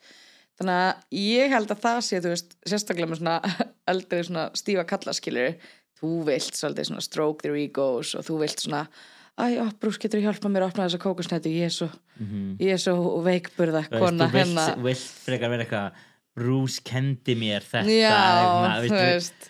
Þú veist, bara svona Brús er svona gæi sem þú vilt svolítið smeðara fyrir, Já. já, þú veist, hann er bara, þú, þú, veist, og það er það sem að hún gerir hérna, hún Katie, heitir hún ekki Katie? Nei, hvað heitir hún? Ekki? Kendra, hinn, Kelly Kelly. Já, Hún er bara bara, seríunni, hún, já. já, hún er bara smjaðra Brús alla seríuna, skilur, til þess að vera bara með tvö atkvæði, basically. já, það Þannig betur að, hún vildi það ekki lengur já, svo það bána því. en já, Kelly spil líka Jake út í ætlali og þú veist, þau reyfi upp aðeins svona klúri í Final 5 og hann segir að þú veist, hann segir að hann að mitt bara ástæðan fyrir því að hann hafi ekki sagt getur verið frá það en alltaf að spila ætlali á hana var að því að hann vildi fá alvöru viðbröð frá henni og öllum Mhm. áhöröndum sem er svona ok, þú veist það ætti ekki vera það ætti ekki vera nummer eitt ástæðan en það er kannski svona Nei. auka ástæða allavega Líka bara, þú veist, hefði hann til dæmis sagt það sem við vorum að segja áðan já, að bara þú ert búin að svíkja mig nokksinum í leiknum þú ert búin að fokka fleiri svona atkvæðum ég gat ekki tristir nóg mikið til þess að segja þér ég ætla að spilda fyrir þig mhm, þannig ég ákvaði að gera eftir á mhm. og það borgaði sér síðan ekki þú veist, ég held að ég held ángið sem að geta fengið svona eitt eða tvö atkvæð út á það. Já, það verið núl að þetta skiptir svo miklu máli svona óna þú vilt óna hluti skilju Mhm. þannig að segja bara svona ég, vildi nú bara fá bara viðbröð ég vildi fá ég vildi bara theatrics. sjokk. Já, þetta er svona, þú veist, þetta er leiklistakennari nýjónum skilur, og maður svona, það er ekki Survivor er ekki leikaritt skilur Nei. Uh, Julie spyr Austin og Dee út í The Showman svo hvort sé alvöru og hvernig það er áhverja leikin alltaf að sjálf sér mamman eitthvað svona, já hvað Mhm. og Og er er alveg eitthvað að byrja að hittast já.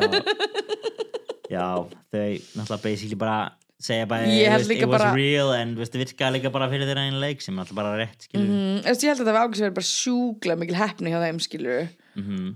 og og þú veist, eins og líka bara fyndi að Julia spurt sér spurninga því við veitum alltaf hvað Julia er að fara að kjósa skilur hún er búin að segja Mhm. margóft en, en Emily Emmett spyr svona í kjölfræðis spyr Austin hvort það var ekki veikleiki í hans leik að treysta því fyrir upplýsingunum að þau ætlaði að kjósa út Julie og Austin svaraði að það hafi ekki verið veikleiki því, Julie, sa- nei, því Dee saði Julie ekki frá því. En hann svarar Díunum og Já. viðkennir að uh, hún hafi vissilega sagt Julie að nota eitthvað sitt og kosi út Emily sem er eitthvað sem Austin vissi ekki af fyrir núna. Sem að Og- líka stegi banka fyrir hana eða þú veist, Já, IMO, in, Mhm. in my opinion þá vann hún træbúlið á þessu augnablíki já. Þetta var the ace in the hole Mm. sem þurfti, sem maður var búin að vera að geima Ég líka, ég man þegar ég horfði á þetta ég held svona smá, ég veit ekki af hverju ég, bara, ég held bara að maður er búin að segja honum. Já, þannig ég var alveg smá svona, oh my god hann, hann vissi þetta ekki ennþá nei, hún kom bara veist, hún, það vissi hún bara sá bara Julie fram með Drew dæmið já, hún komst upp með, Mhm. með uh, Emily dæmið alveg free sko. en já, uh, og þetta er líka bara svona seinasta momenti í træbúlinu því að það er engin last statements eða eða voru ekki einn opening Nei. statements sem er, veist, kannski verður bara klift út en mér er svo svona mér er svo smá svona pyrrandi hvað það er ekki hérna það er ekki alltaf eins hvort það er. Nei veist, ég, ætti pínu erð með það að persónulega, þú veist, þá vil ég alltaf hafa annarkvört opening eða closing statement já. þannig að þú getur svona komið svona loka punktin yfir Já, söluna og þú líka bara þú veist að því að þú ert kannski búin að býja eftir að fá að segja frá einhverju Já. sem enginn er búin að spurja um. Veist, já, þú veist, þannig að mhm, og svo líka aftur á móti þá er þetta líka ógeðslega erfitt fyrir fólk eins og til dæmis Carolyn sem er ekki drosa fært í kjaftinum skilur að Mhm. komast í top 3 þessum, mhm, þú veist, þú ert ekki farin á að segja þú ert ekki farin á að koma hlutum frá þér almennilega Mhm. þannig að þú veist þetta er, þetta er bæði gott og slæmt já, veist, þetta þetta er henda sumum mjög vel og Já. öðrum ekki en bara svona myndi henda persónulega þér ógeðslega vel að vera final statement. Persónulega þá bara svona, ég myndi vilja sjá einhvers konar bara reglu í því hvort það sé það ekki en veist, það lítur að en hafa svo verið má ekki vera regla því þá verður þetta vöglust Já, þá kannski. æfi fólk sér bara skilur þannig að þetta er svona svo hefur maður líka heyrt eitthvað svona gegnum þú veist, svona einhverja reddit ræði og eitthvað svona, einhvers þar sá ég að þú veist uh, í South Pacific sem að þá hafi sko bæði verið opening statements og closing statements og hvort það hafi þú veist, fengið að gera closing statement tvísar eða þú veist, hvort að, já, það var sett bara closing statements bara því að Jeff var bara eitthvað, vildi gefa coach annað tækifæri til þess að, þú veist, þetta er í alveg ekki já, að segja já, ég var að, var að nota gufuð og trú til að Mhm. manipulate ykkur. Þannig að, að maður veit ekki. Þetta er náttúrulega, er náttúrulega sj- sjó og þeim vilja náttúrulega að allt sem að kom, kemur fyrir í þáttunum komur fyrir í loka træflunum og kannski bara, ef það kemur allt fyrir eins og gerist þarna, þar, þá þarf þess ekki kannski Nei. sleppa þau bara þá en, en já, það er kannski rétt að vera uh, það, það er mismunandi hverjum það hendar og hverjum ekki uh, við sjáum þrjú atkvæði frá kviðdánum sem er svolítið skytið því að oftast sína þau sléttatölu eða mm Mhm. -hmm. sína oftast 1 og 1 eða 1 1 1 Mhm. eða 2 2 uh, sjáum atkvæði frá Kendri til Austin sem ég fannst vera bara ha? Ég, ég skildi ekkert í því. Að því að ég hugsa með mér að hún veri 100% að kjósa D en Já. allan ekki. Uh, hana frá Emily til D uh, sem hún sagði hana eða ekki einum auðri en hann strák? Það svona sem var svolítið iconic. Uh, sá hún svo Drew kjósa, Austin, sem var svo uh, það kom mér ekkert á vart svo. nei, þetta En- er bara sama með Julie skilur við veitum alltaf hvað þeir eru að að kjósa ég held samt, ég held í smá að hún var að fara að taka bara öll að kæn já, ég líka sko, ég var að borða nachos með loka þættinum þannig ég hef svolítið líka að horfa á að- en ég mista því þegar Kendra kaus Ástin já, þannig ég held þangað til í lokin að allir strákarnir hefur kosið Ástin og allar stelpunir hefur kosið Dí og það var eina fucking ástæðan fyrir Dí hefði unni að því voru fleiri stelpur on tribal Nei, on the jury. En svo sá ég að að Kendra kaus Ástin og, og Caleb kaus Dí mhm, þannig að þú veist ég róaðist, Já. en ég var ángist bara fucking kalla kúkandir ykkar. Þú veist, sem er alltaf sama en að- það er samt alveg smá þú veist, ætli að sé veist ætli ef að ef að Dí var í kall og Austin var í kona ætt, myndi myndi þetta vera jafn tæft, þú veist ég hugsa með mér, kannski ekki, þú veist Nei, kannski hefðum ekki. verið kall, það hefðum kannski bara fengið öll kæn We'll never know. Við hefum sögulega séð ekki séð neina konu vinna með reynum með hluta Nei, ekki öllum atkvæðum. Um, en já, á endanum er þetta fimm atkvæði eh, til D og þrjú atkvæði til Austin mm og D stendur upp sem sigari. Einu atkvæði frá því að þú veist að þetta sé splitt bara, -hmm. heldur því Og það var Katura nei, það var það, já uh, En ég var Jake líka held ég hefði kosið D, ég held hann hefði sagt það Mér finnst líka svo fyndið þegar þú horfir á svona top 3 Þetta er svona svipað með Carolyn og með, með Jake. Mhm, Þú horfir á þetta tribal og svona fyrstu tvær spurningarna svara allir. Mhm.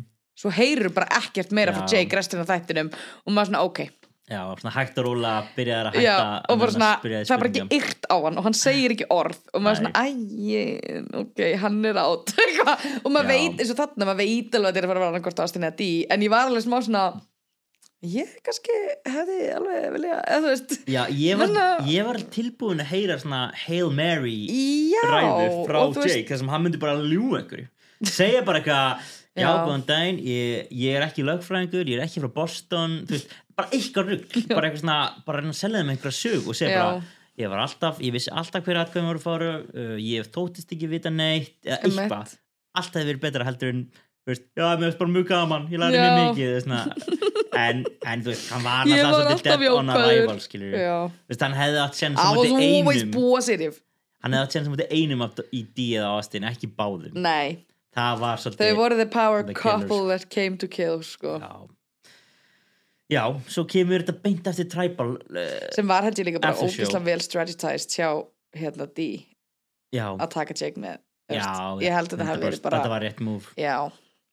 En neitt líka eina stigið af sigur fáum, bankan ég í held að hún er henni. líka eina af fáum konum sem hafa unnið gegn tveimur köllum mm, ég held að einu sem er gert það er Marianne mm og Erika já.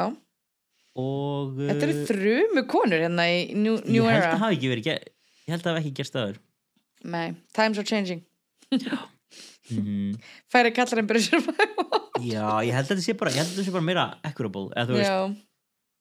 100% Mhm. um, Þú veist líka bara þú sér það í gömlum seríum það eru bara seríur þar sem að það er bara fólk sem myndi aldrei kjósa konur saman hvernig hún hefði spilað já, og líka bara kannski heilu sérna er bara eitthvað er ok, uh, ef ekki bara byrja að kjósa konur í svona Mhm. fyrstu fimm treblunum jú, allir sáttir, ok, Mhm. gerum það Ég er líka bara, þú veist, ég er nýbúr að klára sjöttu séri, skilur, sem Já. er bara fucking sexist séri að dauðans Mhm. þannig að það er svona, já já, það ég held, veistu, ég held þetta er að besta við Survivor, það er að maður bara búin að Survivor elst bara upp með manni Mhm. þú veist, Já, svona- breytist, Survivor heiminn- breytist. heiminn breytast Mhm. gegnum Survivor það er alltaf eitthvað sem er raunverulega sem fangar svolítið vel oft. Það er náttúrulega bara smá svona tímavel aftur í tíman já, og ég held að sé að það er ekkert eitthvað geðveikt margir.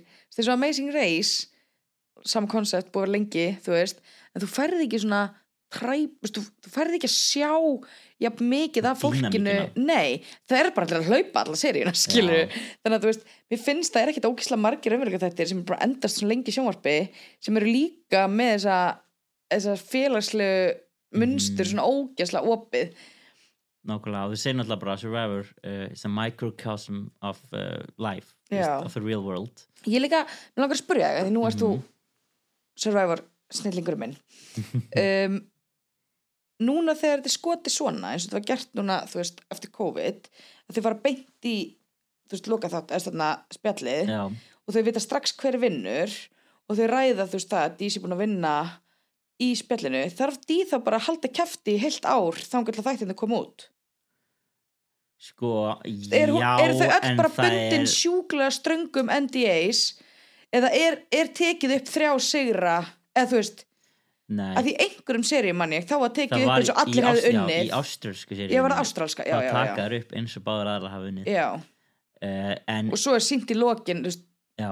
Já, editað Nei, sko, það hefur verið svona, það hefur alltaf verið þannig jafnvel Mm. þegar að, þú veist þegar atkvæðum voru leysum mjöndan að, náttúrulega, að kvituminn tala við fólkið og fólk hefur hugmyndum að fólk bara veita áður en að það finnur hvort Já, það finnur eða ekki já.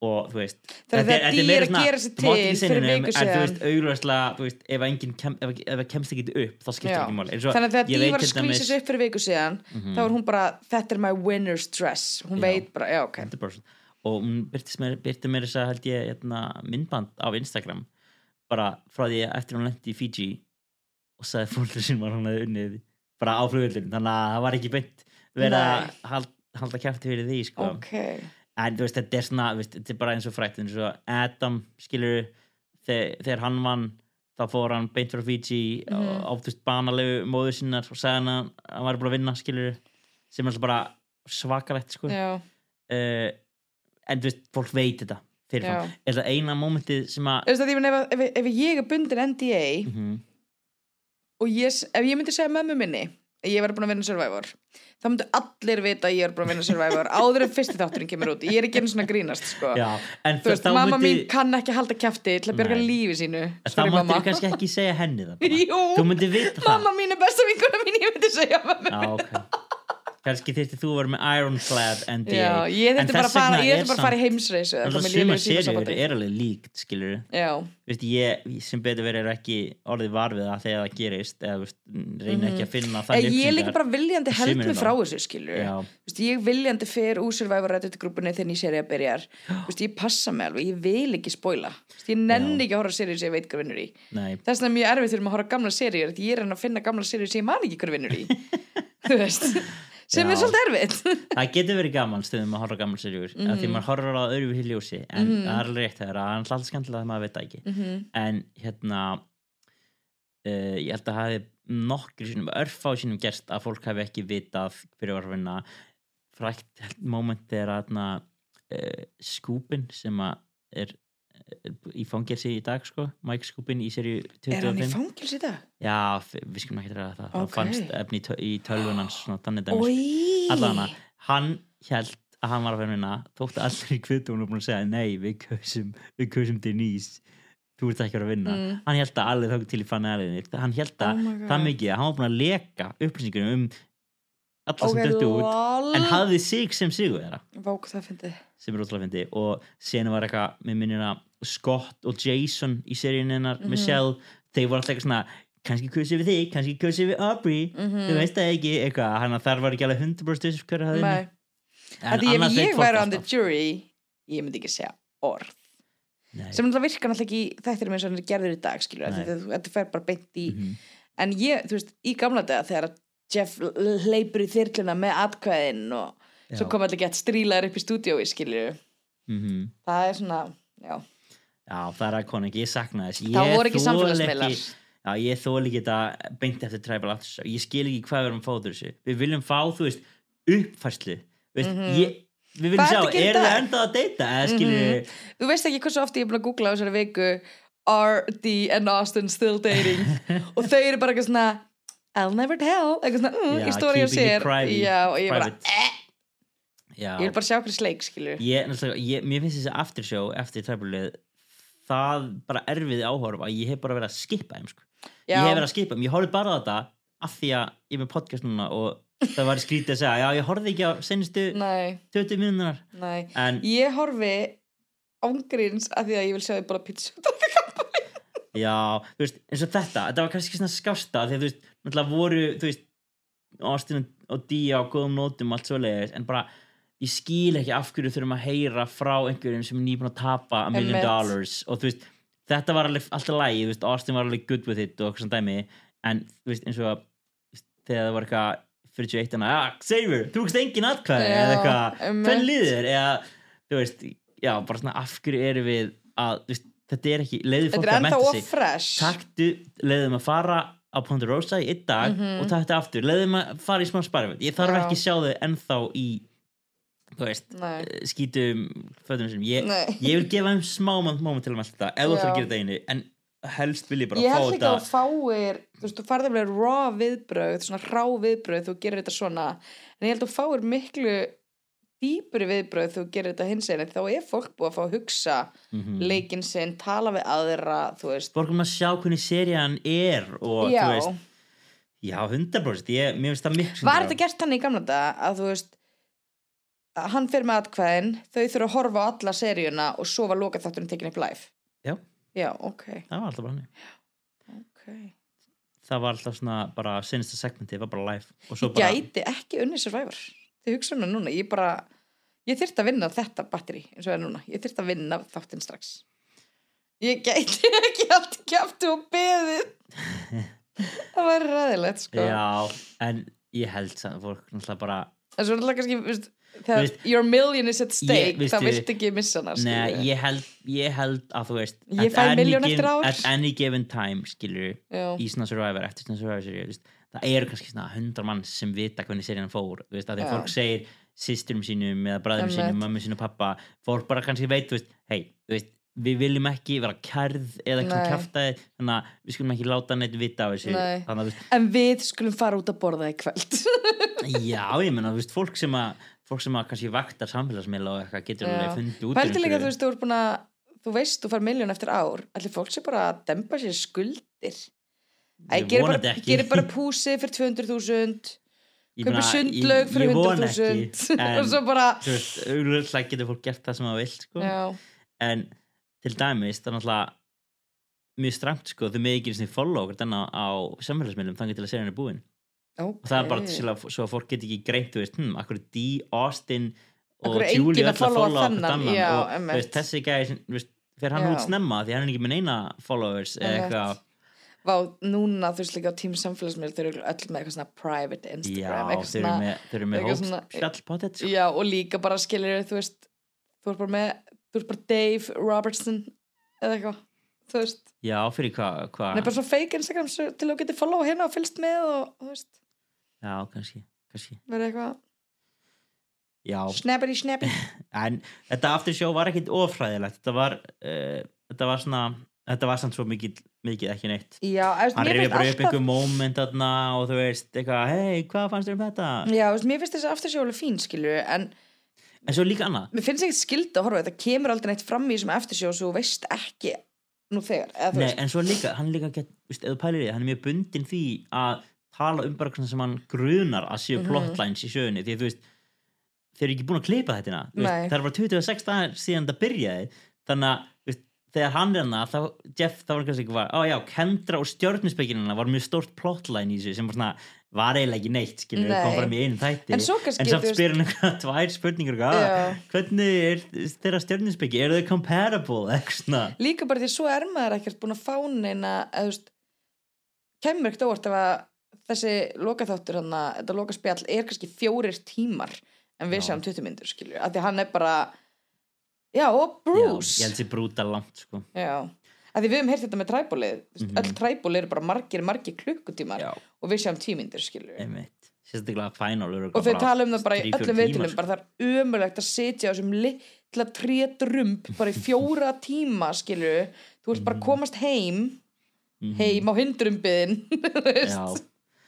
Nei, já, en þetta er já, þetta, viss, þetta er hann að hann talar um einhver moment og veist, þú veist mér svolítið fyndið að við drú um hérna, svona einhverja bókmynda tilvitnin on the spot sem snýr að umsóknarferlinu í Survivor til að loka þettinum bara, bara, hvað er ekki lægi með Jeff eða? Ég, sko, ég Drús tók hann eitthvað, bara kom með eitthvað on the spot sem að ég En skildi Drew ekki er neitt í búin að vera Ponderosa í nokkra daga. Hann er Já, búin að já, en það er verið verri ef hann hefði spurt eitthvað þessum þremur sko.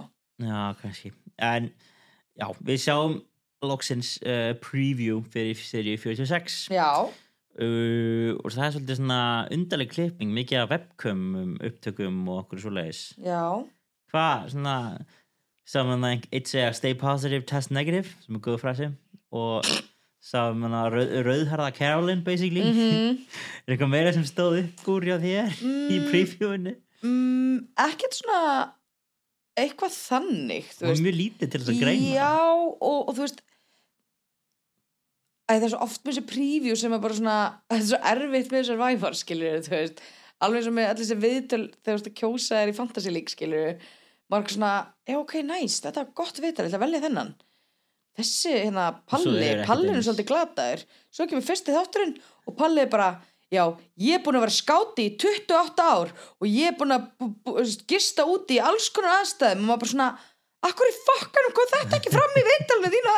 Ég bara svona, ha? Já, þetta er oft Nei, þetta var svolítið skrítið. Ég, ég veit að margir voru ekki sjálf sáttið með þetta preview. Þetta gummi var ekki sáttið um postaðum á í hópin en að þetta ekki, svona, ég get ekki ég get ekki álasta hérna, klipparna fyrir að reyna að gera eitthvað aðeins öðruvísi. þetta er náttúrulega hvað, þú veist, 14. serían í röð og Fiji Mhm. eða eitthvað þú getur bara tekið upp x oft einhverja Ég- steina, einhver tré ég líka skil ekki af hverju En- það er ekki hægt að vera með einhver þemu á Fiji eins og ég- Fiji er ég bara enga sögu Já, þetta er, þú veist, you're preaching to the choir sko. ég að ég skil getum við ekki, við ekki hendi eitt þema ég skil ekki þetta dæmi með að vera bara með númer sko. En nú erum við að fara í svona- 46 Já, sem þýðir að það eru sko hámark fjórar serjur í returning players allir ég að segja. Ef það er ekki returning players í 50. serju get out of here Jeff. Get out of here. Þetta er pinskvítið sérstaklega að þetta er alltaf sama helvit stæði með þrýra ættborgar. Mm -hmm. þú veist ég, ég, ég skil ekki sem bara svona ef þú ert að, að reyna að selja vöru bara, bara hvað var það sem er getur ekki bara gefið út sömu vöruna ár Við eftir ár getum- og sagt, hei, þetta er ný vara. Við getum tekið bara MS léttmjölkina og nýmjölkina sem dæmi. Stable vara. Selst every year. En þeir meiri sér breyta fernunum. Já, þeir eru bara, heyrðu, hérna kemur ferna með Óla Prigg. Já, og allir bara, ó, nýja MS fernan. Þú veist. Já, fólk mikið, mikið að- fólk er alltaf veist, það kemur alltaf umræða þegar MS breytir ferninni, sko. Þannig að þetta er, Nei, já, æ, ég skildi ekki alveg Give ég- the people ég what they búin að vera want. jákvæður við- yfir þessum serjum þannig að séð en bara svona, en ég verð að segja, gerðu finnst eitthvað verður með Exile Island eða verður með já, ég Skip Brains Brown Beauty verður með eitthvað skemmtilegt ég veit að það er veist, við vorum með serju sem heit Heroes vs. Healers vs. Hustlers sem er Mhm. fáralega þema en það var smá minnistætt já. þú rugglast allan ekki þeirri serju saman með Nei, ykkur líka bara, sorry, hversu fyndið að vera bara með, þú veist, group of healers, allir Já. eitthvað í læknageiranum, eitthvað, Já. fucking fyndið. Já, mjög gott. En nei, já, en sko ég, veist, ég, ég held ég sé ekki spoilinu en veist það er komin einhver upplýsingar um næstu séri og þetta er bara aftur þrjú græsborgar og ekkert þeim að þannig að sé En svo eins og ég segi, veist, þessi seria núna, 45, ætla ég að segja að sé bara upp á hals New serían mín, mm bara ógeðslega góð seria, Mhm. ekkert geðveikt mikið af twists, nú er alltaf þetta Six Tribal, er- mér finnst það bara ekki vera twist lengur, skilur nei, er van, þannig að ég er spennt að sjá, skilur kannski, já, og endanum er náttúrulega líka leikmenni sem búið til Ég er að segja það, og þú veist, og ef það er auction geggjað, þú veist. Það er við verðum bara svolítið að setja trist okkar á Jeff og vona það besta. Við verðum það. En, en annars bara ógeðslega spennt fyrir 40.70 séri já, þetta er náttúrulega bara my own personal brand of heroin. Já. ég vitni í vinni minn Edward Cullen. Og svo sjá, sko, og svo, svo er náttúrulega sens að, að því að þegar að, þú veist, þegar það kemur return í serja, þá heyrir maður oft svona, einhver svona ummerki um það að, hm, já, 47 getur verið return í, að því að þú veist einhverjur byrjar að fá tölvuposta og eitthvað svona dæmi, mm að, og ef það gerist þá er það einhvern tímann hvað, svona í mars apríl sem það byrjar. Þannig að því þið taka allt upp, sko, tvær serjur í röð bara frá þeir einhver taka þér back to back. Já, í rauninni, bara frá Ok. mars yfir í eða, já, frá apríl, mæ yfir í júni eða eitthvað svo leiðis mm þannig að, og þess vegna uh, þess vegna er alltaf fólk sem að keppir í sléttu tölunum ekki búin að sjá sérinn á undan. Nei, nei, nei, nei, nei, nei, nei mér er svo gaman sko bara svona að skjóta eins með fróðsmála því að nú ert þú alltaf saman fróðsmáluna Mhm. Já, Dí er búin að koma til Ísland síðan að hún vann nei? Jú. Hvernig gerum það? bara, ég sá Bara ekki nei, bara þú veist hún bara kláraði sér áur og kom bara til Íslands og var bara hér að ferðast sko í jökla og eitthvað. Skandall Ég- mista henni. Búin að followa sko í svo Instagram og Já, nú erum við vingunir vonandi, næs eitt daginn, fæði follow tilbaka. Þú er ekki bara að bjóða henni Ástan var ekki með í ferðinni. Ég skoðaði Instagram hans, hann fór ekki til Íslands she didn't spend a penny on that Nei, boy. já, hún það var bara að fara eftir fyrir maður já, sko. búið bannanir sko. Hún var að eyða eitthvað sem eitthvað af þessari miljón í, í Íslandsferð. Það náttúrulega geta enginn nema miljónum að ekki að ferða að stinga sko. en nei, já, þetta er búið að skemmtilega serja, bara svona myndi ég segja, bara 90 mínútur er algjörlega að virka fyrir Survivor. Uh, ég er sammálaður að þetta er sennilega uh, sennilega besta serjan af þessum nýju já, þótt hún hafi á tímpundum verið smá fyrir sérlega, var alltaf skemmtileg.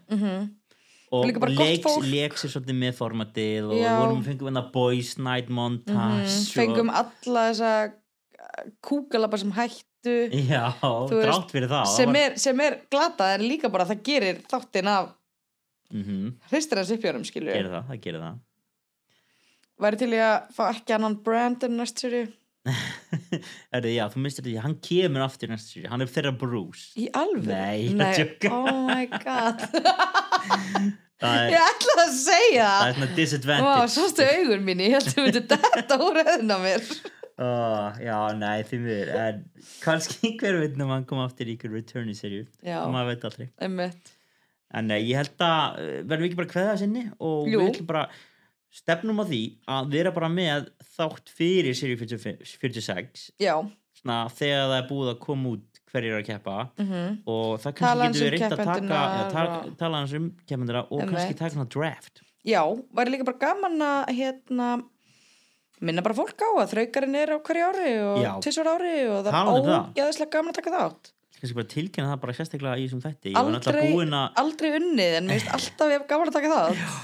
Þarna sérst fyrir það sem maður kannski vitað ekki þá er þraukarinn svona fantasy dild fyrir íslenska Survivor aðdæðandur og hún á sér stað inn á Facebook árum Survivor Ísland. Og uh, ég var einmitt að tilkynna sigurverðuna bara fyrir tímu dögum og kannski ég feg bara aðeins yfir þetta. Fyrsta sæti, Tinna Heimistóttir hún rústaði þessu. Mm eða svona, var með Austin í fyrsta sæti sem hann fekk fleiri stig heldur en því Já. einu stig hann, það er allir þessi idol og svona og, já, það er það sko. Og hann alltaf fekk líka bara atkvæði og eitthvað. Ég skaut mig í fótinn með að halda svona mikið upp á brús. Já. ég hefði bara að setja D sem my number one. Já, ég er alltaf með konur sem number one. Mm ég skeit, skeit upp á bagnuna já, og síðan hérna Ólaverna tók uh, annarsætið og svo finnst mér alltaf skemmtilegt að hérna, hérna erði þetta þennan leik frá hún Kristjáni og hann Mhm. var alltaf með sér velun fyrir sem sagt, uh, lélæsta sætið sem að sagt, uh, Kolbrún Ósk vann sagt, fyrir að vera í neðsta sæti. Og svo líka velun fyrir svona þann sem er í miðju stigatöflunar sem ég veist alveg best, mér finnst það besti vinningurinn. Því það er sko. bara eiginlega random maður enda alltaf einhverju miðju móði. Einmitt. en, en já, það var hérna, Aldís Jónas sem vann það. Þannig að uh, fjóri sigurverar sem fá allir eitt Survivor Buff. Pældu í já, því. ég elska það. Það er það eru velin sem maður vill. Líka það er svona, ef ég get ekki fengið Jeff nei, þá vil ég buff.